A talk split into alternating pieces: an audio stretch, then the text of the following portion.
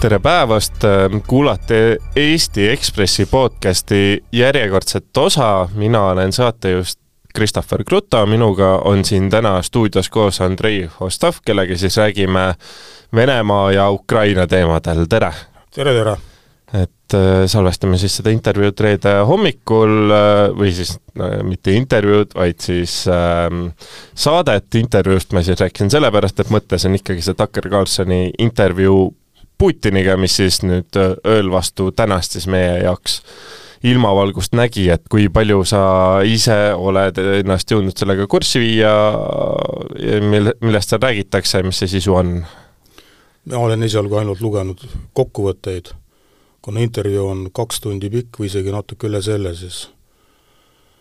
siis, siis, siis ma ei ole leidnud oma elust aega selleks, et kulutada ära need kaks tundi, et võib-olla on ka midagi mõistlikumat teha. aga mis sellesse intervjuusse puutub, siis paistab, et on Vene propagandale üks selline hästi suur võit, sellepärast et Tucker Carlson laskis Putinil segamatult kedrata sedasama juttu, mida ta on üldiselt meid, millega ta on tüüd-, tüüdanud maailma avalikkust nüüd juba kaks aastat, et ehk ta siis korras, kordas kõiki oma neid punkte, mis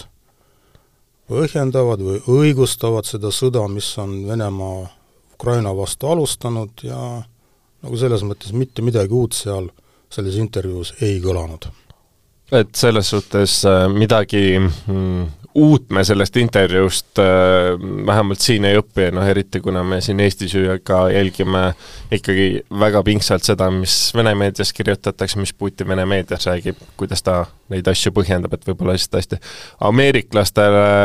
noh, võib-olla on see jutt uuem, meile vist mitte nii väga. praegu on raske ennustada, et milline mõju võiks sellel olla Ameerika kuulajaskonnale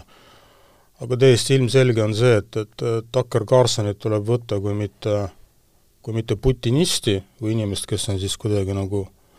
kogu oma elu pühendunud Putini toetamisele, vaid ta on ikkagi Trumpi toetaja, Donald Trumpi toetaja. ja ta on maga, maga selline eestkõneleja, Make America Great Again, see on see, see loosung, eks ole, millega millega, millega, millega Trump tuleb,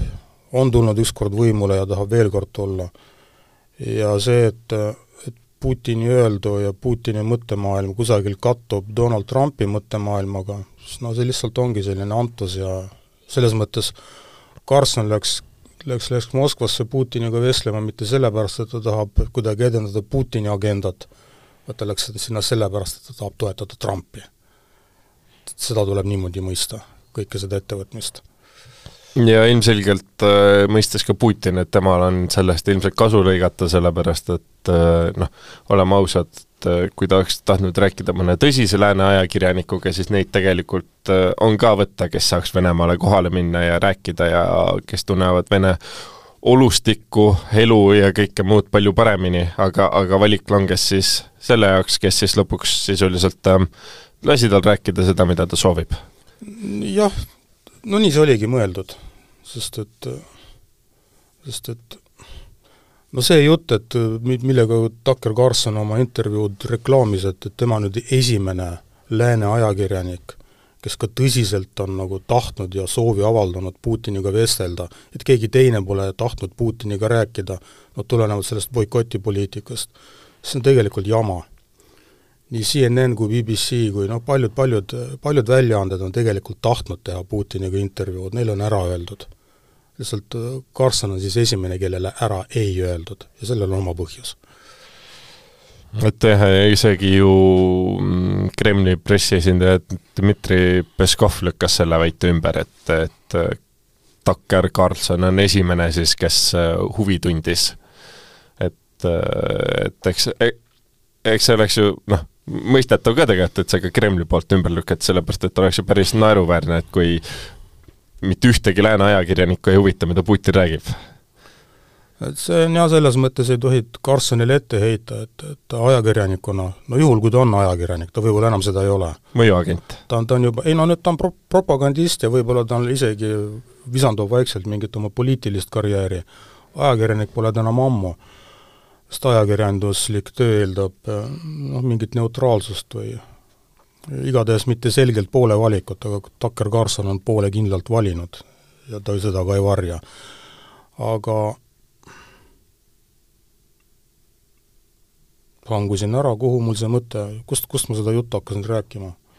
mis seal alguses oli? rääkisime sellest äh, noh, mm, just ma ka natukene jäin kuulama, aga, aga see jutu algus tõesti läks ära, aga ma arvan, et tegelikult ega sellest ähm, Takkerist meil siin nii palju ei ole ka vaja rääkida, sest tegelikult äh, siin praegu on palju olulisemaid asju toimumas kui see intervjuu ja nagu me rääkisime, siis noh, see on ikkagi puhas see Kremli propaganda, mida seal räägiti ja mm, noh, see, need põhjused, miks see toimus, ei olnud ilmselgelt see, et teha head ajakirjandust, vaid ähm, põhjused olid natukene muud aga kui vaadata endiselt veel Venemaa suunas, siis tegelikult ju nüüd siin märtsis, äh, märtsi keskel on siis toimumas presidendivalimised, et äh, kuhu siis nüüd on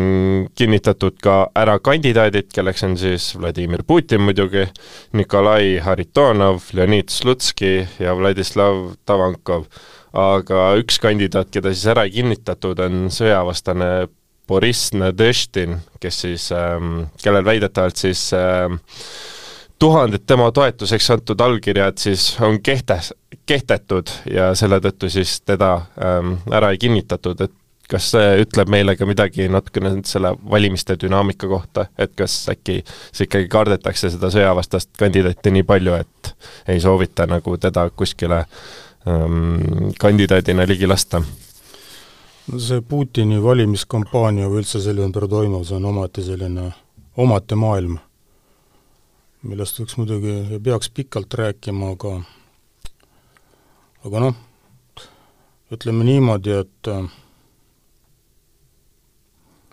esiteks, need ei ole valimised, see on lihtsalt, ütleme, Putini, Putini uuesti kinnitamise tseremoonia, võiks niimoodi öelda, üle-venemaaline tseremoonia, kus kus valitseja saab taas,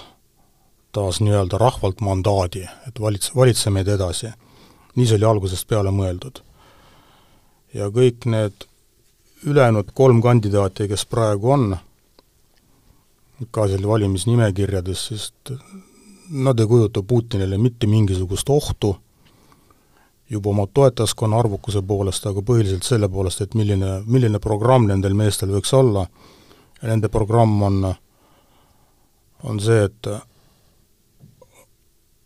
Putin on Venemaa suur valitseja ja meie oleme tema väiksed, väiksed ühised alamad, ka presidendikandidaatidena. et keegi tegelikult neist ei võta seda tõsiselt, et ta püüaks kandideerida Putiniga ja pakkuda välja mingisuguse teistsuguse, teistsuguse programmi. nüüd Boriss Nadeždin, et miks ta üldse kampa võeti, siis see oli algselt mõeldud kui noh, selline selline kombinatsioon, mis pidi andma kõigele sellele Putini tagasivalimise või rahva poolt tagasimääramise tseremooniale mingisuguse no nagu sellise ilusa vinjeti, et vaat, meil ikkagi tegelikult ka toimuvad valimised, kuna Boriss Nadeždinil on natukene teistsugune programm või maailmavaade. et Nadeždin jah, nagu sa ise ka rõhutasid, et ta on sõjavastane. ta on seda öelnud, et, et sõda Ukrainas on viga ja algselt oli plaanis teha niimoodi, et et Nadeždin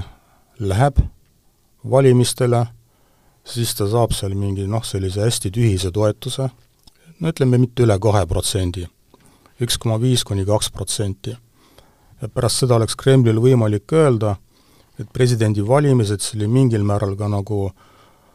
rahvaküsitlus Ukraina sõja pid-, edasi, edasipidamise mõttekusele mõttekuse üle ja siis oleks saanud öelda, et aga vaadake, et presidendikandidaat Nadeždin, kelle selline selgesõnaline seisukoht on, et sõja lõpetamine Ukrainas, et ta sai nii tühise toetuse Venemaa valijate poolt, et siit järeldub ju see, et, et vene rahvas on valmis sõdima veel kas või aastakümneid võiduka lõpuni. Vene rahvas toetab Ukraina sõda. ja sellepärast on Kreml noh, nagu õigustatud õigustatud tegema selles suunas ükskõik mida. näiteks kuulutama välja üldmobilisatsiooni. ja siin võib spekuleerida, et mida kõik siis nagu Kreml võiks ette võtta, kui ta saab sellise nii-öelda mandaadi. ja see oli selline kaval, kaval stsenaarium, aga nagu nüüd elu näitas, et kõik läks kuidagi nagu teistmoodi, et Kreml siin tulistas iseendale jalga või või kukkus sellesse auku, mille ta oli iseendale kaevanud, sellepärast et keegi neist ei uskunud nendest, noh, selle stsenaariumi planeerijatest, et et Nadeždini tulek noh, sellesse valimiseelsesse situatsiooni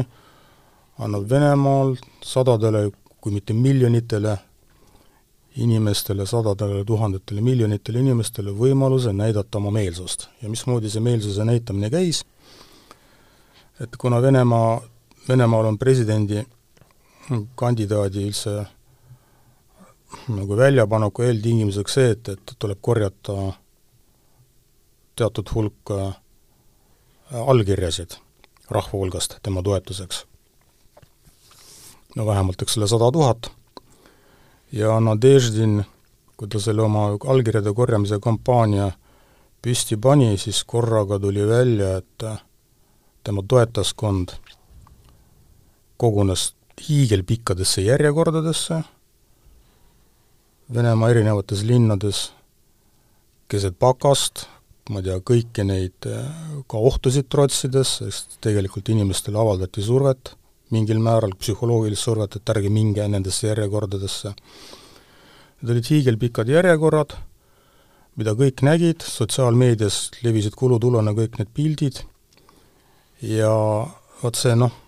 nagu see pilt, pilt ise sealt Venemaa linnade tänavatel nende hiigelpikkade järjekordadega, mille kõrval ei olnud mitte ühelgi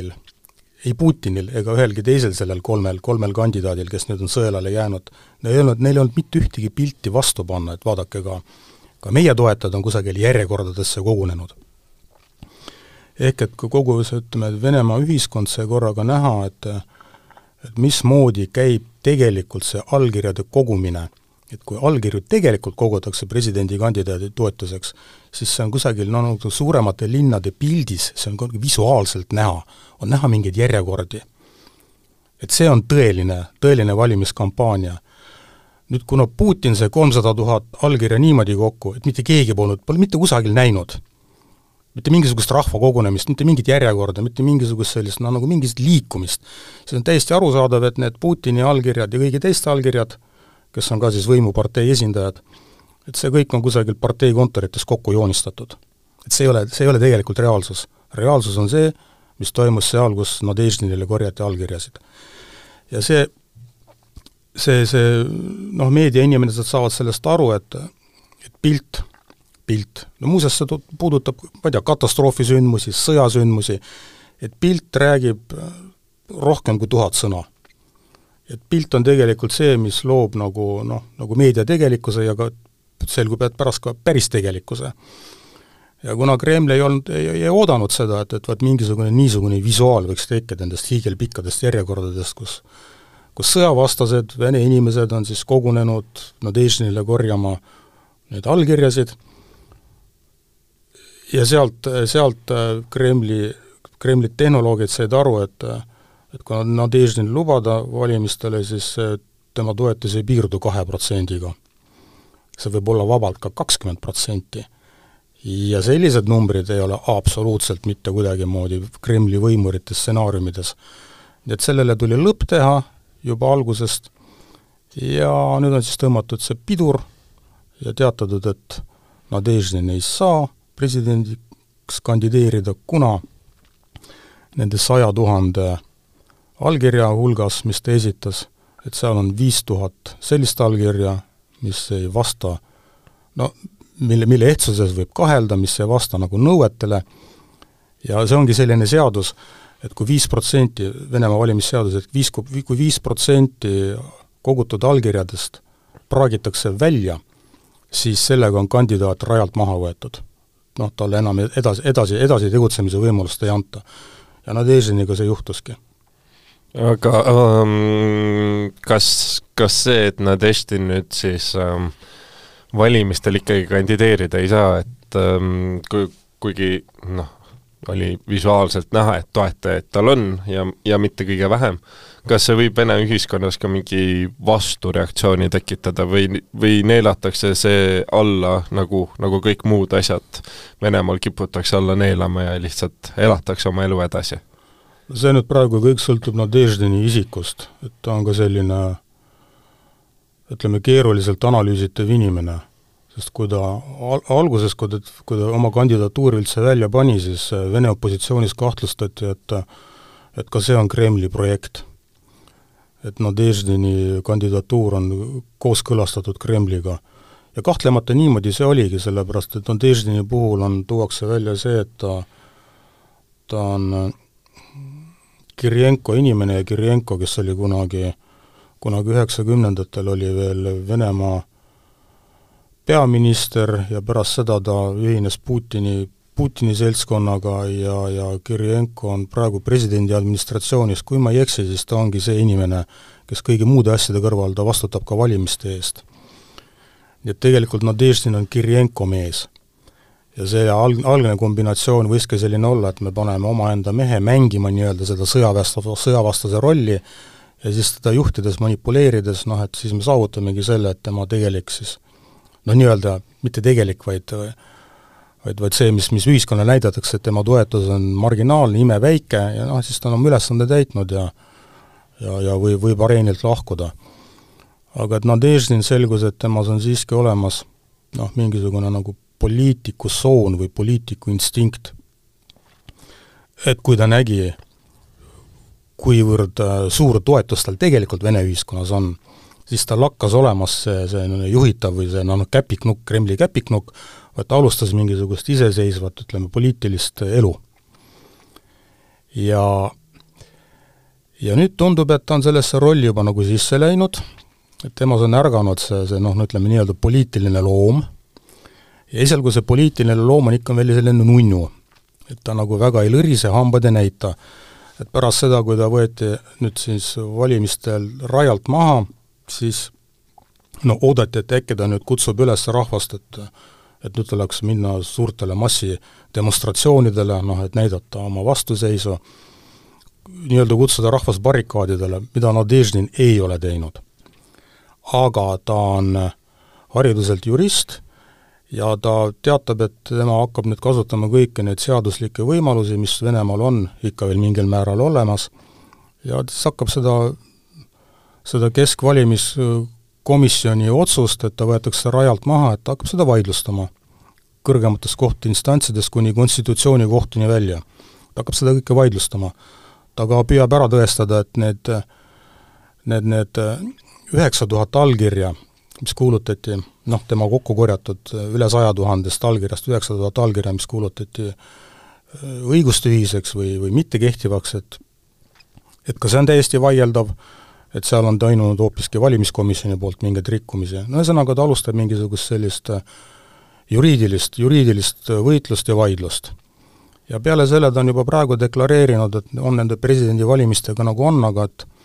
ta on nüüd oma sihiku seadnud juba aastale kaks tuhat kakskümmend kuus, kui toimuvad Riigiduuma valimised. et sinna ta kavatseb minna. ja praegu see, mis toimuv on, et võib-olla see ongi juba rohkem nagu ütleme, selle kahekümne kuuenda aasta valimiskampaania eelpaugud või tulevärk. jah, selles suhtes äh, noh, see, eks, eks ta ilmselt mõistab ise ka, et äh, võimalust Venemaa presidendiks saada aastal kaks tuhat kakskümmend neli ei ole mitte kellelgi teisel kui Vladimir Putinil. jaa, kahtlemata, sellest saavad kõik aru Venemaal ja muidugi sai sellest ka Nadeždin aru, aga samas noh, jällegi, jällegi, vot ongi see, et see, see huvitav huvitav selline ootamatu pilt, need, need tohutud pikad järjekorrad Nadežni toetajatest, mis sinna Venemaa suurlinnade tänavatele tekkisid. et see kuidagi nagu muutis kõike. ja korraga tekkis opositsioonil ütleme, mingi selline maskott nii-öelda, kelle ümber koonduda, kelle siis, ma ei tea, nagu üritust toetada, ja isegi siin on noh, et siin ongi just põhiline see, et seda toimuvat tulebki mõista niimoodi, et Nadeždin, see on ainus selline äh, ikka veel legaalne võimalus näidata, et me oleme sõja vastu. ja seda siis väga paljud inimesed noh, hinnanguliselt niisugused, need võiks olla, mis tähendab väga palju, no umbes kakskümmend protsenti Vene ühiskonnast võikski olla sõja vastu. No protsentuaalselt nagu tundub, et nii, ei ole nii väga palju, aga kui vaadata absoluutarvudes, siis see on ikkagi kümned miljonid inimesed. kusjuures tegemist on, ütleme, nooremate inimestega, paremini haritud inimestega, inimestega, kes on, kelle ütleme, ühiskondlik panus oleks kindlasti märksa olulisem ja märksa suurem kui need tüüpilised Putini valijad, kes on provintsis elavad keskealised naised või siis pensionärid vaadates veel natukene Venemaa sisekliimat ja seal toimuvat, siis tegelikult noh, enne valimisi on ikkagi ka olnud mõningaid selliseid äh, meeleavaldusi või proteste tihti just nende sõdurite abikaasade poolt, kes siis soovivad ka oma mehi koju, kes siis on ka pigem sellise äh, võib-olla ei olnud alguses, aga nüüd, kui oma mehed on rindel, on ikkagi võtnud ka pigem sellise sõjavastase seisukoha, tahavad oma abikaasasi koju, tahavad, et lastel oleksid isad. Äh,, aga samas tegelikult on ka näha seda, et ega tege-, Venemaal neid äh, tundub, et peljatakse, sellepärast et ega neid meeleavaldusi ei lasta väga suureks kasvada, et äh, suhteliselt kiiresti proovitakse need kõik äh, maha suruda, et, et kas kui, kui palju see mm, presidendivalimiste kontekstis asju mõjutab või kui palju mõjutavad valimised seda, et just neid meeleavaldusi nagu ei taheta lasta väga toimuda? no ei, need meeleavaldused, mida sa jah, mitmuses no ütleme, üks on see, mis Baškiirias hiljuti toimus, aga see oli lihtsalt selline Baškiiria rahvuslaste, rahvuslaste meeleavaldus, et see, see oli lihtsalt selline, ütleme, ääremaa või noh, mõtleme, või Baškiiria puhul võib öelda siis ka Moskva alluvuses oleva koloonia nagu mingisugune ülestõusukatse, see on puhtalt selline rahvuslik lugu. nüüd mis puutub nendesse sõdurinaistesse, siis tegelikult see seltskond nüüd ka nüüd, nad ei ole otseselt sõja vastu. las see sõda käib, aga aga et need naised on selle vastu, et nende mehed selles sõjas osalevad või ütleme, peavad olema seal nii pikalt ja, ja ilma puhkusteta ja võimaluseta sealt sõjast ära minna, et iseenesest nad ei ole sõja vastu, vaid nad on selle vastu, et nende, konkreetselt nende endi mehed on seal selles sõjas. ja nende, nende selle sõdurinaiste liikumisega üldiselt tegeldakse no ma ei tea, kas võib, kas, kas on kohane öelda kuidagi nagu kirurgilisel meetodil, aga jaa, muidugi. et kui need naised tulevad kokku, nende tunnuseks on valge rätik, valge pearätik siis äh, muidugi neid naisi ei saadeta seal mingi märu, märulipolitsei käppade vahele, neid naisi keegi ei peksa, neid naisi keegi ei viska vangikongidesse. sellepärast, et mitte unustada, et nad on ikkagi sõdurinaised, ehk siis nagu Vene propagandas meie kangelaste abikaasad. ja need ei tohi puutuda. aga nendega käitutakse teistmoodi, et üks, üks meetod näiteks on see, et et huvitaval kombel, et need, nende naiste mehi, kes on Ukrainas rinnetel et neid mehi survestatakse. Nende, nendele meestele antakse teada, et kui sa nüüd koju ei kirjuta või ei helista oma naisele ja ütle, et jäta järele, kallis Daša, sa ei tohi seda teha, mis sa seal teed tagalas. sellepärast, et kui sa seda jätkad, siis siin rindel läheb, minu olukord läheb veel halvemaks. et ühesõnaga, vot seda, seda, sedapidi käib see nende naiste mõjutamine. et teie tagalas peate mingisuguseid meeleavaldusi ja tahe, tahtes oma mehi aidata, aga tegelikult nende meeleavalduste ainsaks nagu tagajärjeks on see, et teie meeste olukord rindel läheb veel hullemaks. et nad karistuseks sinu käitumise eest su, see, su mees võidaksegi saata siis noh, selle, selle esimese rünnakulaine Ukraina kaevikute peale, kus ta saab surma ja siis sa oled noh, sellest mehest üldse ilma. et selles mõttes noh, diktatuuri tingimustes on võimalik ka niimoodi inimesi mõjutada. ja seda tehakse ma arvan, et äh, Venemaa teemadel me nüüd siin oleme juba mm, mõningat aega olnud, tege-, noh muidugi mm, Venemaast saaks veel rääkida, ma arvan, et tunde ja tunde, aga, aga mm, toimub Ukraina sõja kontekstis ka muid olulisi sündmusi, millele sooviks siin saates pilgu peale visata, alustame siis ikkagi sellest eilsest otsusest, kui siis äh, Ukraina president Volodõmõr Zelenskõi siis ametlikult äh, taandas ametist äh, armee ülemjuhataja Valeri Salužnõi ja siis tema asemele tuli senine maavägede juht Aleksandr Sõrskõi, et äh, miks see otsus ikkagi sündis, et tundub, et äh, nagu mm, välismeedias on palju kirjutatud siis, et ikkagi vist ähm, Zelenskõi ja Zalužni omavaheline suhe läks nii keeruliseks, et, et, et äh, president otsustas teha muudatuse.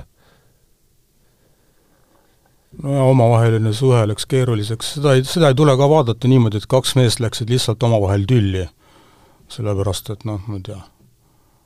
et, et üks, üks on väikest kasvu, teine on hästi suur ja ja siis see väikest kasvu Zelenskõi otsustas, et ta sellest, sellest suurest, et ta ei taha temaga enam, enam ühes ruumis olla. seda ei pea niimoodi ette kujutama. et siin on ikkagi probleem selles, et mm, tähendab, et üldse, millest see, millest see kahe mehe vaheline konflikt alguse sai? konflikti ajalugu nihutatakse seal juba kusagil Ukraina sõja algusesse, aga aga tegelikult ta vist ikkagi tuleb vaadata nüüd eelmise aasta sügisesse, kui Zalužnõi avaldas ajakirjas Economist ühe sellise programmilise kirjutise, andis ka Economistile intervjuu ja selle, nende kirjutiste ja tema Zalužnõi sõnade mõte oli see, et äh, sõja ajal on meil siin ikkagi nagu tööjaotus. et meie, sõjaväelased, meie peame rindel tegema seda, seda ja seda, ja et neid ülesandeid täita, meil on vaja niisuguseid asju ja niisuguseid asju ja niisuguseid asju. ja vot nende, nende asjade või nende vahendite hankimine, mida meil on vaja edukaks sõdimiseks, see on nagu poliitikute mure. mitte meie, sõjaväelaste. ja kui me nüüd paneme siia juurde nüüd selle aasta alguses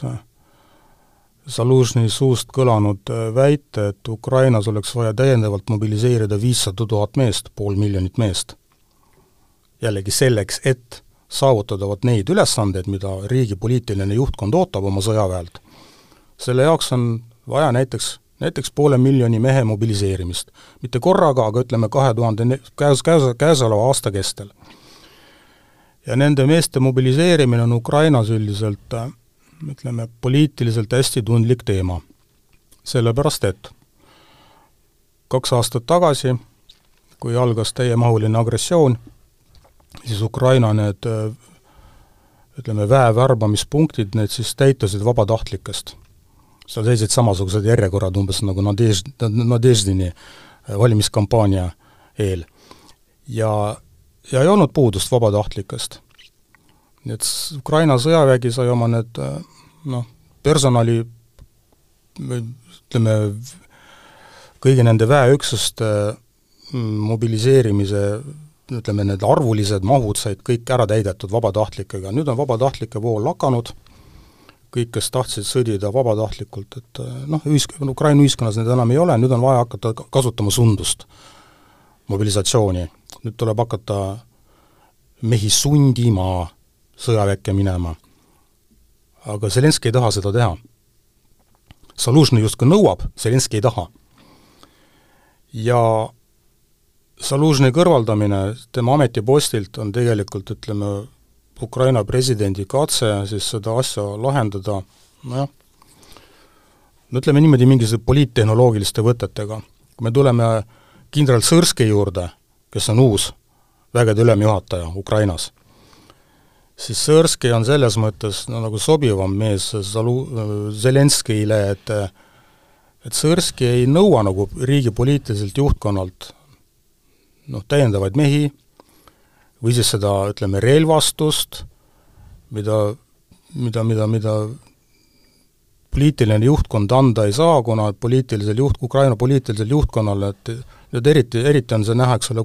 Ameerika Ühendriikide suunal, et neil puudub mingisugune survevahend eh, nõuda, nõuda neid, neid mürskusid, nõuda seda relvastust, neile ei anta seda. aga sõjavägi nõuab, Ukraina sõjavägi nõuab, poliitiline juhtkond ei saa seda anda. jällegi probleem. nii et Sõrski on siis nüüd kutsutud ellu või kutsut-, kutsutud ametisse sellepärast, et ta peab saavutama praeguse, käesoleva aasta jooksul mingisugused tulemused olemasolevate vahenditega küsimata midagi juurde. kuidas ta seda tegema hakkab, isegi siin, ma ei tea, militaaranalüütikutel praegu puudub üldse mingisugune ettekujutus, no siin nagu panustatakse ilmselt sellele, et, et Sõrski, Sõrskil võiks öelda nii-öelda, võiks öelda nii-öelda nagu seda juhtimisteooriates öeldakse, et kastist välja mõtlemine, mingisugused, ma ei tea, ebatraditsioonilised lahendused on äkki, Sõrski muuseas, tema oli see, kes kes omal ajal siis saavutas selle noh, suure osa Harkivi oblasti vabastamisest mingite selliste noh, nagu üllatusrünnakuga. et see oli tema taktika. et võib-olla oodatakse temalt, temalt mingi sellise ime kordamist et ühesõnaga, Zalužni muutus äh, ebamugavaks partneriks nii-öelda Ukraina poliitilisele võimule, Ukraina presidendile, sellepärast ta saadeti erru ja nüüd võeti asemele üks teine kindral, Sõrskõi, kelle puhul arvatakse, et noh, tema selliseid probleeme ei hakka tekitama, tema suudab siis Venemaaga sõdida ja saavutada mingisuguse murrangu, kasutades olemasolevaid vahendeid ja küsimata midagi nüüd väga nii juurde see on see point. noh, seda kuulates, et äh, tekibki nagu see mõte, et jah, tõesti, et äh, et nüüd oodatakse siis temalt mingit sellist murrangut, aga noh, reaalsus on see, et äh, kui vaadata ajaloos äh, relvakonfliktidele tagasi, siis mis ikkagi lõpuks tihtipeale ju määravaks saab, on see, kes suudab toota rohkem tanke, kes suudab toota rohkem mürske, rohkem suurtükke, kellel on rohkem mehi, et äh, taktika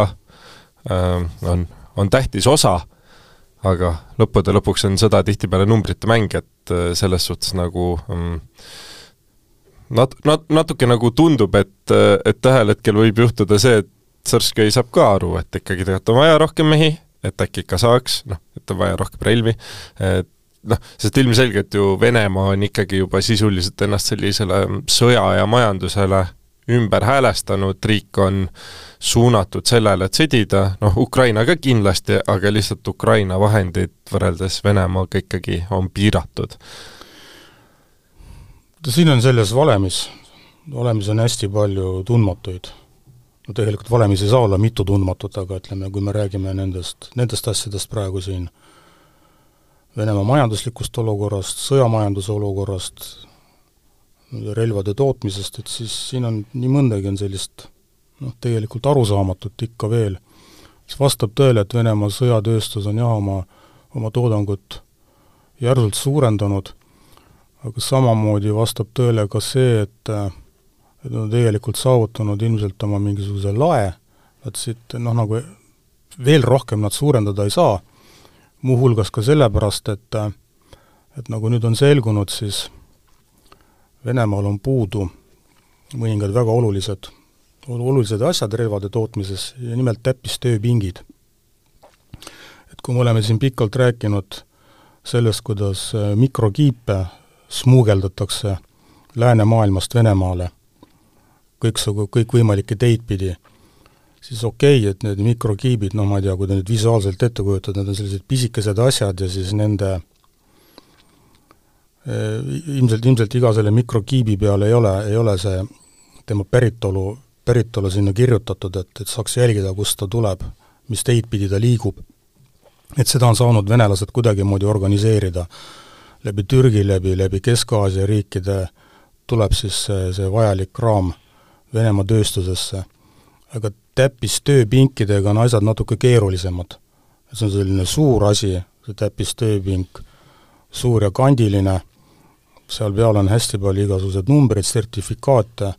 on hästi, hästi, hästi no ütleme, lihtne on see jälgida või kindlaks teha, et, et kustkohast see tööpink pärineb, kuidas on ta liikunud sinna Venemaale, ja paistab, et nüüd on noh, nagu ütleme, see täppistööpinkide saatmine Venemaale, et seda on nüüd hakatud kuidagi piirama. näiteks hiljuti, hiljuti jäi Taiwan vahele sellega, et mõning-, mõningased Taiwan'i ettevõtted saatsid Venemaale neid täppistööpinke. Ja kui ma ei eksi, siis siis meil siin Maardu ladudes ka kusagil seisab, seisab mingisugune partii ka mingisugust sellist, sellist tööstuslikku sisseseadet, mida Venemaa vajaks ja mis on siia nagu toppama jäänud nii et kui Venemaa neid tööpinke enam ei saa, siis äh, ta ei suuda seda mitte, mitte millegagi asendada. ta omaenda, omaenda tööstus selliseid pinke neile ei tooda ja noh, see on lihtsalt üks selline, üks selline väike või ka mitte väike nüanss, mida tuleb arvestada, teine asi on nüüd see, mida me oleme täheldanud viimastel nädalatel, et ukrainlased oma droonidega, mehitamata droonidega ründavad Venemaal just nimelt mingeid selliseid äh, naftatöötlemistehaseid, ütleme selliseid, selliseid kohti, kus on siis suured kütusehoidlad või siis selle kütuse tootmine. ja paljud nendest rünnakutest, noh paljud, viis rünnakut vist on olnud üldiselt edukad, et ongi õnnestunud suurt kahju tekitada nendele ettevõtetele. ja kui nad seda jätkavad, kui see ongi nüüd nende, ütleme selline strateegiline nüüd liin hakata just nimelt seda Venemaa taristut hävitama ja ründama, mis toodab, to-, toodab kütust, siis see tähendab seda, et mis ongi eesmärk, et Vene väed rindel, et nad võivad sattuda kütusepuudusesse. Nii et siin on noh, siin on selliseid nüansse ja kui need kõik kokku panna, mis siis seda Vene sõjamasina tegutsemist takistavad, siis no mine tea. ega võib-olla ikkagi ka Venemaa, Vene, Venemaa poolelt vaadates, noh see, see olukord ei ole tegelikult üldsegi nii roosiline. Nad on ka ikkagi noh, nagu väga suures pingeseisundis. nii et siin käesoleva aasta jooksul, et siis hakkab käima siis mingis, mingis mõttes nagu selline no ma ei tea, nagu käesurumisvõistluses, et tegelikult äh, mõlema osapoole jõud hakkavad juba ammenduma ja nüüd noh, nagu, no nagu see kusagilt nagu viimastest reservidest võetav see jõuvaru siis nüüd pannakse mängu ja siis noh, et kes keda siis, kes kellel käe siis alla surub. et, et tegelikult see kõik ei ole ju sugugi nüüd nagu noh, nagu nii ette määratud Venemaa kasuks praegu mm,. Jah, rääkides Ukraina vahenditest, siis äh, noh, ei saa üle ega ümber ka nendest abipakettidest Ukraina suunal ja, ja sellest, mis siis USA-s toimub, ehk siis ähm, abipakett, mis juba sügisest saadik tegelikult on seal ähm, takerdunud, mis siis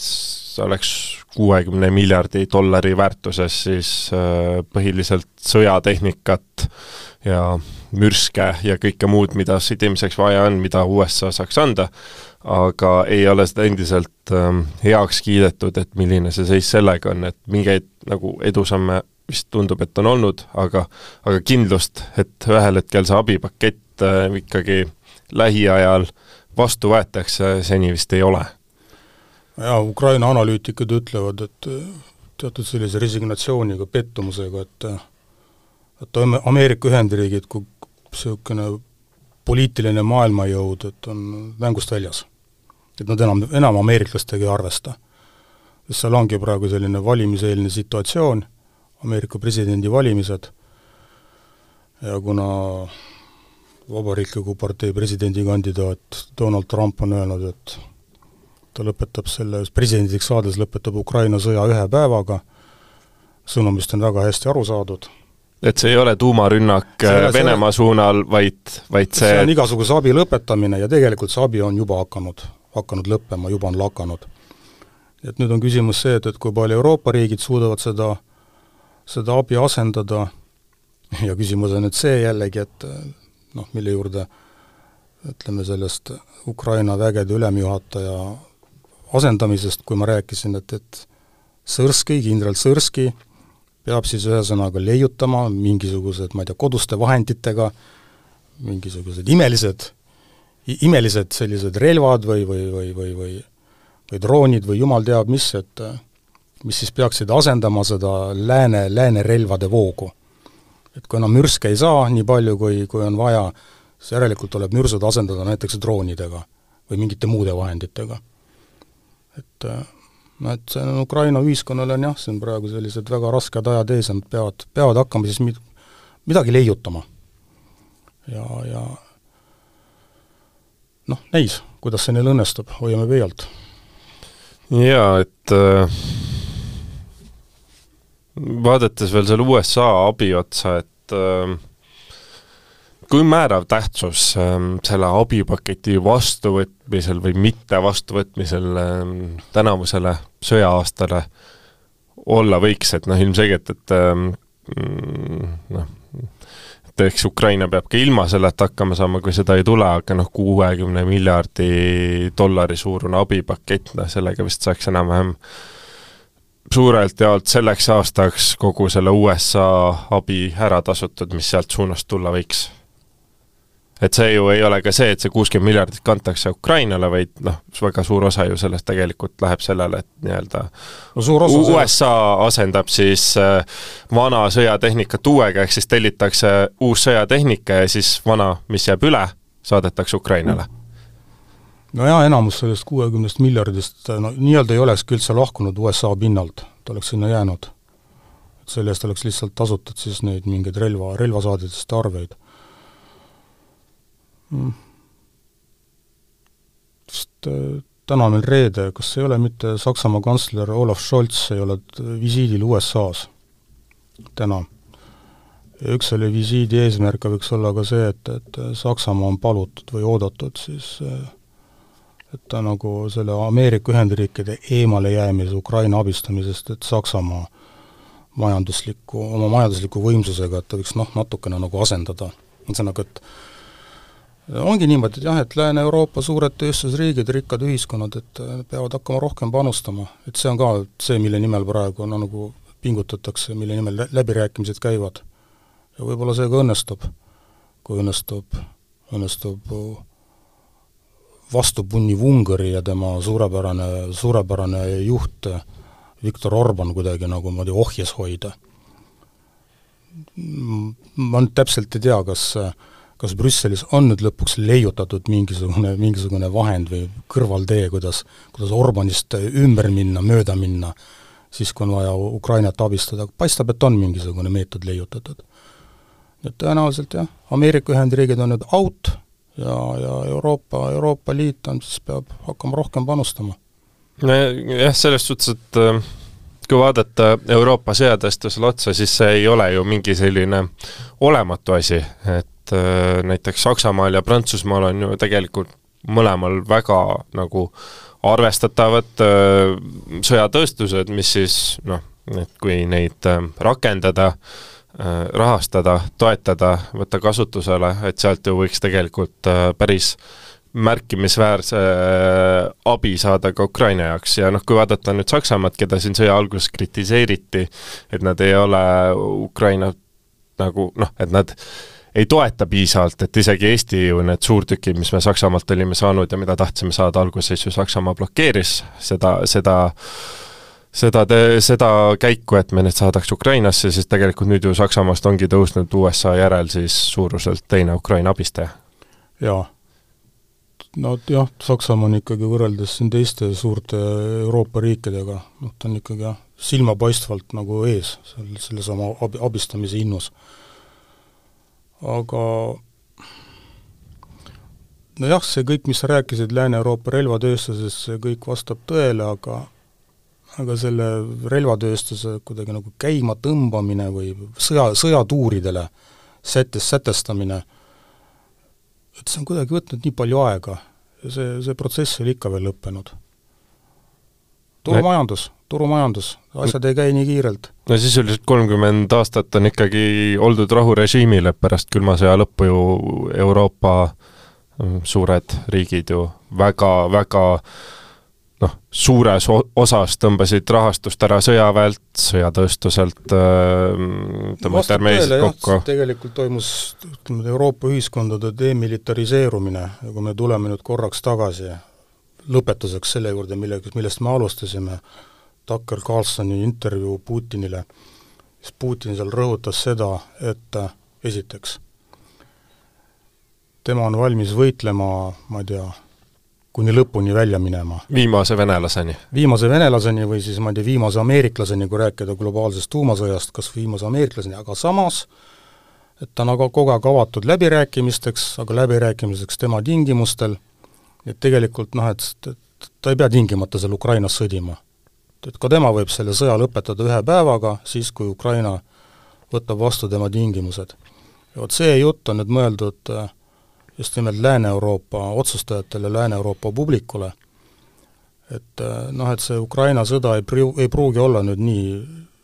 nii väga noh, ma ei tea, nagu aasta, aastatesse veel edasiulatuv. ehk siit on sõnum siis Lääne-Euroopa relvatöösturitele, et okei okay,, teie siin panete praegu oma sõjatehased täie, täie rauaga huugama, hakkate relvi tootma, aga siis vahepeal saab Ukrainas üldse sõda läbi ja kuhu te need relvad siis panete? et siis te hakkate kusagile ladudesse tootma või siis riiklik tellimus lõpeb ja mis see business plaan sellisel juhul teil on? nii et noh, et see, see Putini intervjuu Carson Tuckerile, et see oli ikkagi noh, selline nagu mitmeotstarbeline asi. et ikkagi noh, selles suhtes ilmselgelt oli see nagunii oma suunaga siis äh, välismaale, sest noh, sisepoliitiliselt äh, noh Putinil on neid kasutatakse ka sisepoliitiliselt seda ära, sellepärast et äh, see Vene propaganda praegu, praegu puhub igast, igast triikrauast ja igast tolmuimeja otsast torust, et äh, et suur ja tähtis Ameerika ajakirjanik tuli ja tegi sellise esimese sellise ausa intervjuu meie suure liidriga ja nüüd kogu läänemaailm on, ma ei tea, nagu põrmus ja on valgustatud sellest kõigest. aga noh, tegelikkuses on ilmselge, et see, see jutt, mis seal räägitakse, no on see, mida me oleme kuulnud aastaid, pikki aastaid ka juba noh, osaliselt enne seda Ukraina sõda, et noh, Nõukogude Liidu lagunemine oli halb, Venemaa lihtsalt taastab oma, soovib taastada oma ajaloolisi piire ja midagi ikka muud, aga, aga noh, siin saate lõpetuseks, mis seal ikka, et äh, loodame, et, äh, et kahe tuhande kahekümne neljas aasta toob, toob ka Ukraina sõjas positiivseid uudisi, tõsi, praegu see foon, mis sealt suunast tuleb, ei olegi kõige positiivsem, aga noh, see kõik võib ühel hetkel muutuda, elame kaasa Euroopa sõjatööstusele, loodame, et äh, kui nüüd tõesti siis USA on sisepoliitiliste kempluste ja presidendivalimiste tõttu natukene mm, siis ähm, või noh, on Ukraina sõjaplaanil väljas, et siis tõesti, et kui USA on out, et siis Euroopa on in ja ja õnnestub ikkagi Ukrainal enda, enda riiki kaitsta ja mitte lasta venelastel oma tahet peale suruda, sest noh, see on ka meie jaoks mõneti ellujäämise küsimus. aga sellega lõpetamegi saate ära ja aitäh kuulamast ja oleme jälle eetris järgmisel nädalal